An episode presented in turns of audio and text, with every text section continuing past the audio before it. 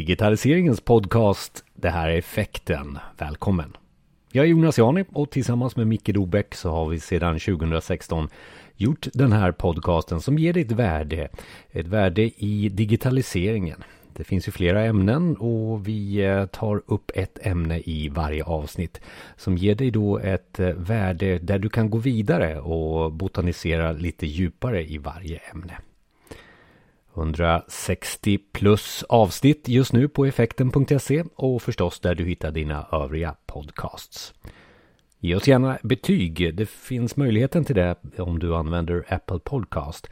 Lämna oss så många stjärnor som du nu orkar. Tack! Och så får du också tipsa oss om våran nästa gäst förstås. Maila oss på info effekten.se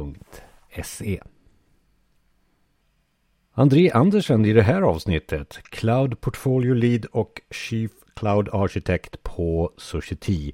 Och vi har ju pratat om molntjänster tidigare och nu ska vi prata om skalbara molntjänster. Vi landar lite mer tekniskt i det här avsnittet men det gör också att du kan skapa dig de här fördelarna som jag pratade om för att eh, ligga ett steg före i kunskap och eh, kanske också fylla på med erfarenhet. Det här är ett inspelat avsnitt från juni 2021. Och du får gärna ta upp eh, podcastspelaren redan nu för där finns det länkar till mer information om eh, det ämnet vi pratar om här.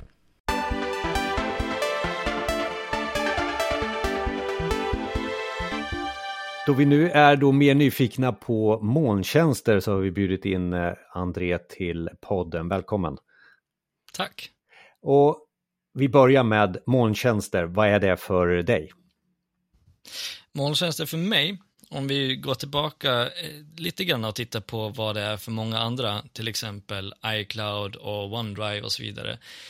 Det är också molntjänster, men för mig är molntjänster mera resurser som du kan köpa on demand, som du kan använda och nyttja för att bygga egna applikationer och system eh, utan att behöva köpa in hårdvara och Eh, infrastruktur eh, och, och lagra någonstans. Och Det skapar värde på en gång och du betalar för bara det du använder och inget mer än så. Och, och det är cloud för mig, kort sagt. Ja, för att eh, molntjänster, när ordet kom för många, många år sedan, så, så kanske det bara var just någon sån här Gmail eller att man kunde, man kunde göra någonting som man förut har haft någon installerad produkt på sin dator och sen så kunde man göra den i webbrowsern och så var det en molntjänst. Men vi har kommit lite längre därifrån uh, nu.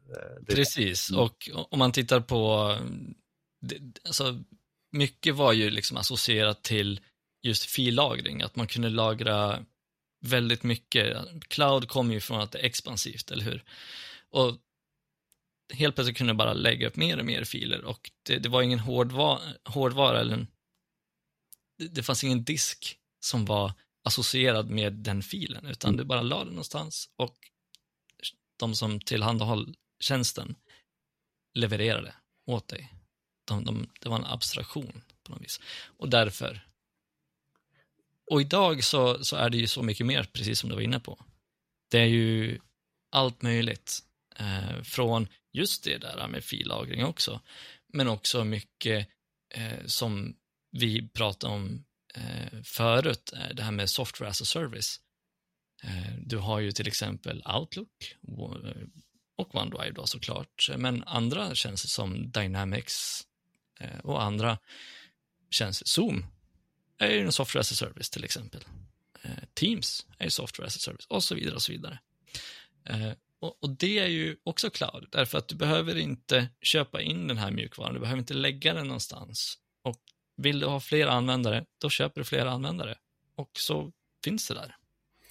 Och det kanske är många av eh, eh företagare som, som är medelstora eller mindre som känner att det är de som man går till någon sajt och så köper man bokföringsprogrammet och så betalar man x antal hundralappar per mm. månad och så får man den här molntjänsten som sköter bokföring. Så det är software ja. as a service. Eh, som, som du, men, men, och där finns det ju en uppsjö med jag, jag, jag uttryckte någon gång här att det, det, finns, när man pratar om att det fanns appar till allting förut, så finns det en webbsajt för det mesta numera som genomför ja, AI-tjänster och sånt där. Och, och, men, men förknippningen med, med, software as a service, det är väl liksom, det är en del utav det och det kanske är så det började, det, som jag uppfattade. Eh.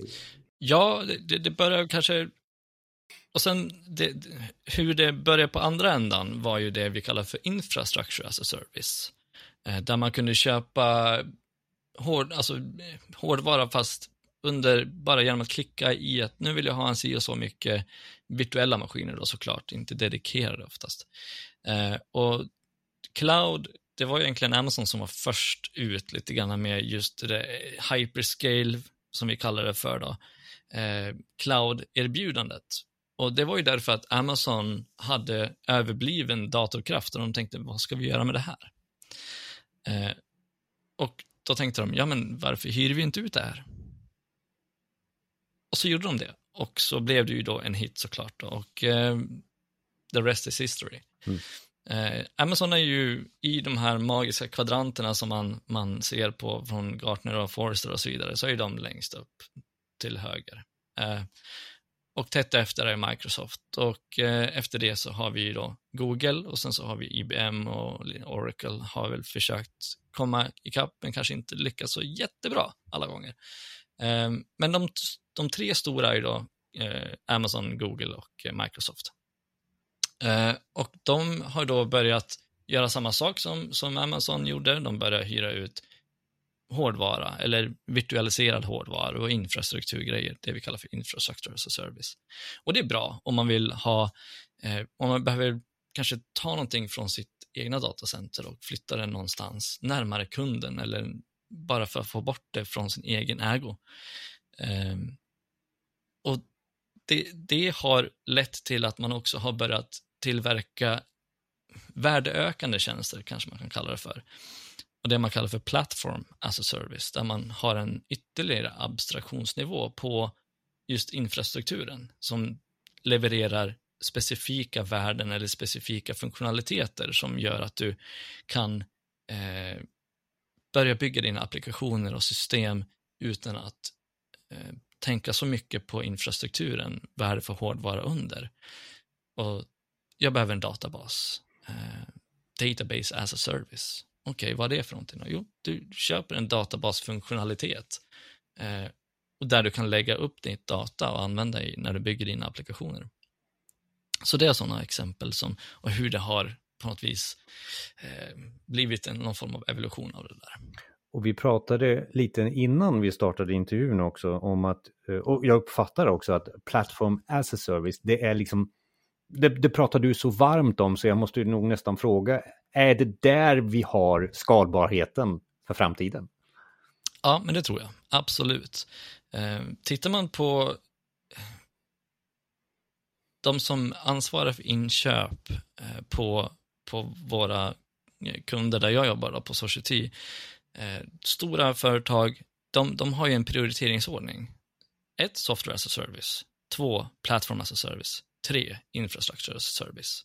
Varför är det så? Jo, därför att jag tror att först så vill man ju köpa saker, man vill inte bygga saker som redan finns, man vill inte återuppfinna hjulet.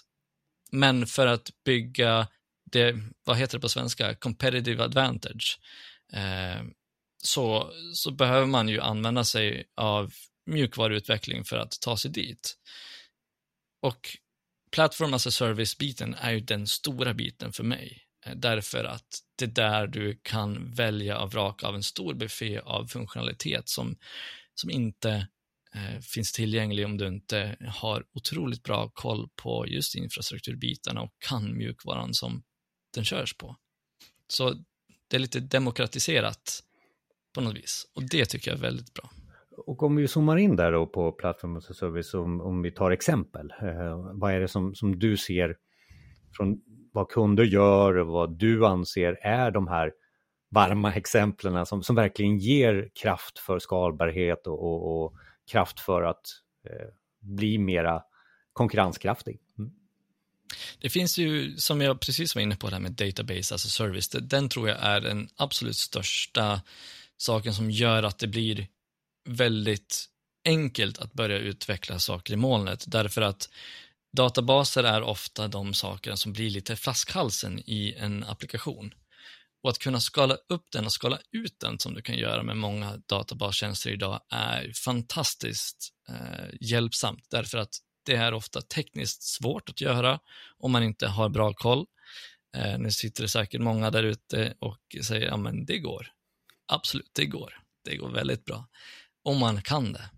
Eh, men sen får man också tänka på att, att, att det går är en sak. Att göra det effektivt utan att behöva lägga tid och energi och kraft på att göra det och fokusera på värdeskapandet till sina kunder eller slutanvändare är det som är på något vis det bästa uh, som, som det här tillför. Functions as a service och det som vi kallar för serverless är också ett bra exempel på, på en plattform as a service under kategori kan man kanske kalla det för.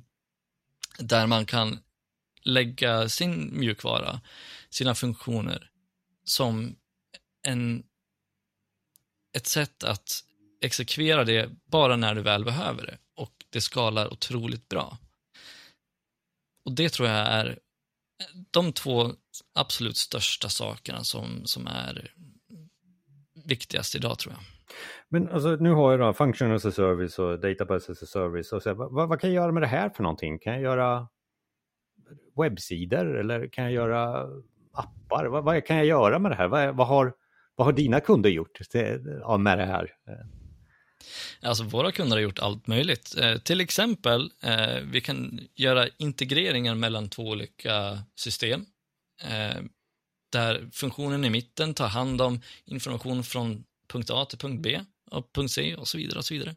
Så det kan vara en, en ersättning för eh, sin integrationsmotor som man haft on-premise förut. Till exempel Bistalk och andra eh, olika eh, integrationsmotorer som, som man har behövt ta hand om, klappa om, uppgradera, patcha och så vidare. Du kan absolut bygga webbsidor med det här och API är ju det som man bygger väldigt mycket med, med functions eller lambda-tjänster som det kallas för. Och kunna skala ut det här superfort när man väl behöver det och inte betala någonting när man inte använder det.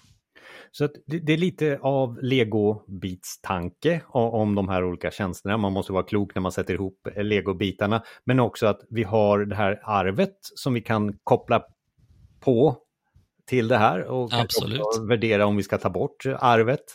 Du var inne på att flytta över den där servern som står och brummar i något hörn Eh, upp till mm. molnet men fortfarande ha behållaren men, och sen koppla ihop det med legobitar. Alltså, du måste ju vara ganska bra på att bygga legobitar och veta vad, vad saker och ting är. Eh, så att jag antar att det inte bara är eh, function as a service och database as a service utan när jag går in i, i molntjänster som till exempel Azure som, som Microsoft så, så är det så här, ja det är 250 tjänster och sen så får jag slag på fingrarna dagen efter, nej det är 300 nu. Eh, alltså det går väldigt... Ja, precis.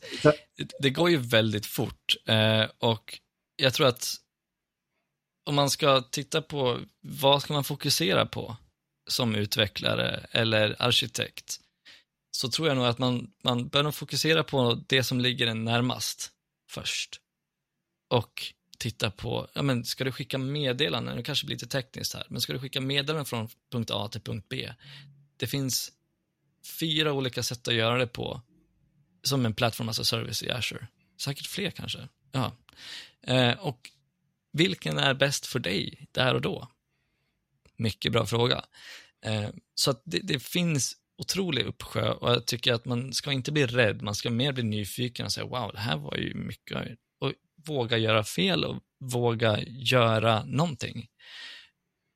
Och inte stå där vid, vid bryggan vid vattnet och säga ska jag hoppa i eller inte, utan man kan ju faktiskt stoppa tån i vattnet och känna efter lite grann och sätta sig på bryggan och skvalpa fötterna om man vill först. Vi är inne på slutet här också och, och, och ska rekommendera eh, en lista för hur man, hur man lyckas med molntjänsten. Men just om jag stannar kvar där lite, för, för jag var inne på det eh, i tanken när du sa sådär, jag måste ju bli det är en bra försäljning för, för att anlita dig, för att vad är det för någonting som jag ska använda av alla de här komponenterna?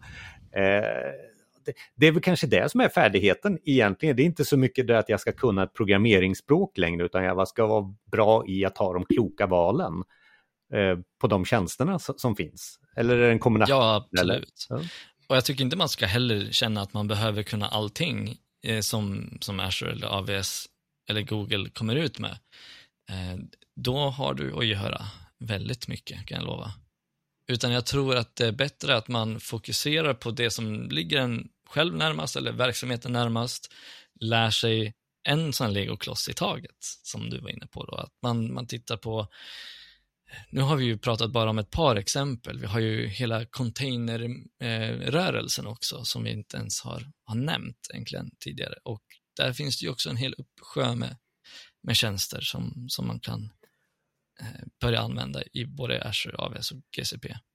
Han sa 300 och, tjänster och det är väl, alltså, ja. jag sätta mig in i 300 tjänster så behöver jag väl tänka kategorier först, tänker jag. Och det, ja, precis. Som jag uppfattar det på dig här, så börja någonstans med functional service och database service, då kan du göra ja. väldigt mycket av de legobitarna som handlar om det som vi pratar om här, göra en plattform. Mm. Ja, och för, för, att inte skrämma bort alla så kan man också säga att många av de här 300 tjänsterna, alla är inte lika komplicerade. Vissa är lite mer komplicerade, vissa är lite enklare. Så det är klart de vill ha ett stort nummer med tjänster när de presenterar, vi har så här många tjänster. Medan en av de många av de här funktionerna kanske är väldigt enkel, du lägger på den och du använder den lite grann och så. Medan andra som till exempel functions, Azure Functions, den är ganska komplicerad att bli mästare på. Eh, du kan använda den väldigt enkelt och fort och komma igång med den såklart. Men djupet är ganska djupt på just den. Medan medans till exempel ehm, en ny tjänst som kommer ut var den här Azure Web Pub Sub till exempel för att spotta ut meddelanden till olika andra eh, intressenter i realtid. Kanske inte alls är lika komplicerat som just den. Och en som jag förstod mig på väldigt snabbt bara för att eh, lägga på där, det var ju sådana bildigenkänningstjänster som finns. Man skickar upp en vanlig bild som man har tagit så här, så kommer det tillbaka textdata på vad bilden innehåller. Den har listat ut vad som den här bilden innehåller och vad kan jag göra med den? Eh, ja, jag kan sätta ihop någon form av tjänst som är kopplad till någonting som jag har behov av. Eh, så det, det, är väldigt mycket det här, skicka upp och få tillbaka eh, också i ja. de här tjänsterna. Mm. Och här kan du, om man blir lite teknisk igen då, så man pratar ju om abstraktioner. Va? Eh, så i botten så har du ju då din server, eller någon form av server. Och så har du ju någon form av applikation och, och så vidare och så vidare. Och många av de här tjänsterna är ju liksom abstraktion ovanpå en annan funktion eller tjänst som de tillhandahåller som är en abstraktion på en ytterligare en annan. Så att det, det är liksom, va, hur mycket kontroll vill du ha på det du vill utveckla på eller vill använda? Som du var inne på att det finns en, en tjänst, en kognitiv tjänst som bara du kastar upp en bild så får du lite kategorier och beskrivning tillbaka. Eh, vilket är en abstraktion på machine learning och AI-bitarna. Och så vidare och så vidare det är ju fantastiskt att kunna, kunna välja då vart vill du lägga dig någonstans. Det här är jätteintressant och vi, vi, liksom, vi, vi kategoriserar det till infrastruktur, plattform och, och, och, och eh, mjukvara eller software as a service. Och vi zoomade in lite på, på, på, på, på plattform as a service för att vi anser väl att det, i det här fallet att det är en buffé av där du kan sätta ihop och göra väldigt mycket i skalbarheten och kanske också ta dig till en innovationsförmåga för att när du blir mognare och mognare i, i de här typen av molntjänster. Men någonstans här eh, på slutet också, hur börjar jag? Du var inne på det, alltså hur lyckas jag med det här nu då? Och mm. Platform as a service då specifikt. Precis, och om, vi går tillbaka till våra tekniska lyssnare eh, så kan man ju titta på just det här med, okej, okay, vad ligger närmast hjärtat? Eh, börja med det eh, och så kommer man liksom kunna se eh, i periferin, ja men det där kan vara intressant, det där kan vara intressant. Eh, och våga sig på det och inte känna, om man är aspirerande cloud-arkitekt eller aspirerande cloud-utvecklare av något slag, att säga, ja men jag kan inte allt. Man behöver inte kunna allt, utan välj det som är intressant och börja titta på, på de tjänsterna. Bli bra på någonting och eh, välj en Välj en plattform att börja med, Azure, AWS eller GCP. Välj en. Eh, för att de är, de, de, är fundamentalt väldigt lika, men de fungerar lite olika och vill man spara tid och energi, välj en och sen när man blir van med den så kan man kanske prova andra också. Det är till och med lekar du pratar om här, alltså testa lekar. Ja, men absolut. Lite laborera med det, för att jag menar, du kan, om du har en helg över eller en kväll över, skapa ett konto i vald molnplattform och titta på okej, okay, vad är det här? Man kanske läser lite blogg eller eh, någonting, lite så här quick start eh, på något vis. Det finns jättemånga sådana på nätet om man googlar runt lite grann. Eh, och eh, labba runt lite grann. För att the beauty of it är att du stänger av den när du är klar. Och då har det kostat dig kanske en krona eller en femma eller någonting. Och nästa gång du har en, eh, en stund över så går du och slår på det igen. Så att det, det, det behöver inte kosta mycket och eh, har man eh, Visual Studio eh, prenumeration från eh, jobbet till exempel så har du en, en slant varje månad från, från Azure. Och, och, den tycker jag man ska använda sig av och, och labba runt och, och prova på lite saker. Du var inne på två målgrupper, det, det, det var de tekniska där och sen så, så är det mer verksamhet eller hur ska man? Ja, precis. Verksamhet, eh, man kanske är projektledare eller man är kanske produktägare för någonting. Eh, eller så är man kanske infrastrukturansvarig eller vad det kan vara. Och normalt sett så köper man, eller historiskt sett, så köper man ju in eh, sin datahall eller servrar Eh, på treårsbasis så räknar man av det på tre år eller vad, vad man nu gör. Eh, och det är ju ren inköp eller procurement, så att säga. Och det har ju sin tjusning med att du vet exakt vad du betalar hela tiden. Men det är också väldigt rigitt. Det, det, liksom, det, du har köpt, det är det du har köpt. Och det får du leva med i tre år tittar man på molnet så är inte det inköp av procurement på samma sätt, utan jag ser att det är lite livsstilsförändring. Och det får man på något vis anamma, embrace it. Och det är mer outsourcing av tjänster, som vi var inne på det här med att det är en buffé av legoklossar av olika storlekar och komplexiteter och eh, smaker, om man kan kalla det för. Och de ska man eh, kunna använda när man behöver dem. Och inte du köper dem inte på tre år eller på fem år och räknar av dem på samma sätt. Och det är väl egentligen skillnaden, att våga sätta det här i händerna på, på era kollegor och låt dem få bli varma i kläderna och våga sig på att testa det här för att kunna se vad det kan för skapa för värde i er verksamhet. Lite mindset-förändring också, eh, mm. hur man har tänkt tidigare. Mm. Absolut.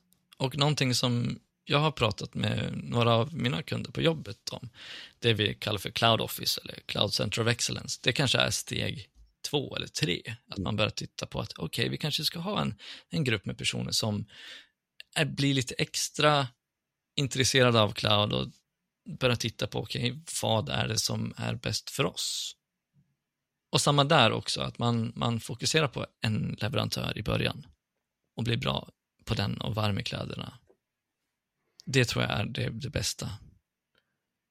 Jag tror också att det är molntjänster i sig, det är ju så jättestor rubrik med många underrubriker och vi kan inte på 20 minuter gå igenom allting men det som jag uppfattar också att om man tar den här insteget som vi har pratat om nu så finns det ju flera mognadsfaser in i molntjänsterna som organisation, som individ eh, och beroende på vilken målgrupp det är. Det är det jag uppfattar också. Eh. Från, Absolut, mm. och jag tror att man också ser olika perspektiv, kanske till och med i samma organisation. Om man har en organisation som är lite större, att man har, man har sin eh, grupp som hanterar infrastrukturtjänstbitarna inom sin organisation.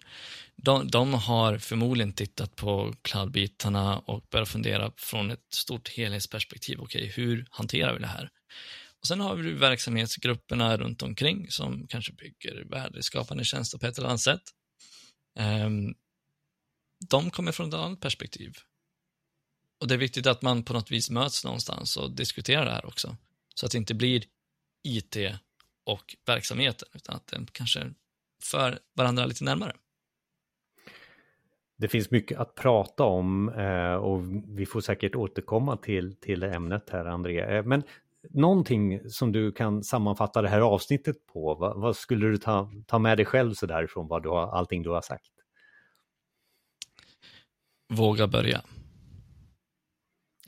För det finns så mycket att utforska som, som kan ge så stor effekt. Uppfattar jag också. Ja, precis. Mm. Um, och det behöver inte vara det mest avancerade i början. Det behöver inte skapa någon värd utav det hela, utan det kommer sen. Särskilt om man inte har hållit på med det tidigare. Och såklart så finns det ju hjälp att, att eh, be om.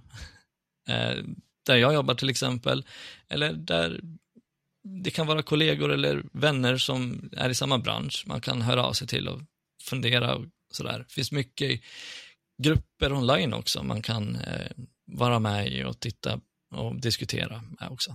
Och redan nu i podcastspelaren när du tar upp den så får du se lite mer länkar som Andrea tipsat oss om då just gällande att komma vidare. Eh, dina kontaktuppgifter finns förstås där också André. Eh, Absolut. Vi får tacka så mycket för intervjun. Tack.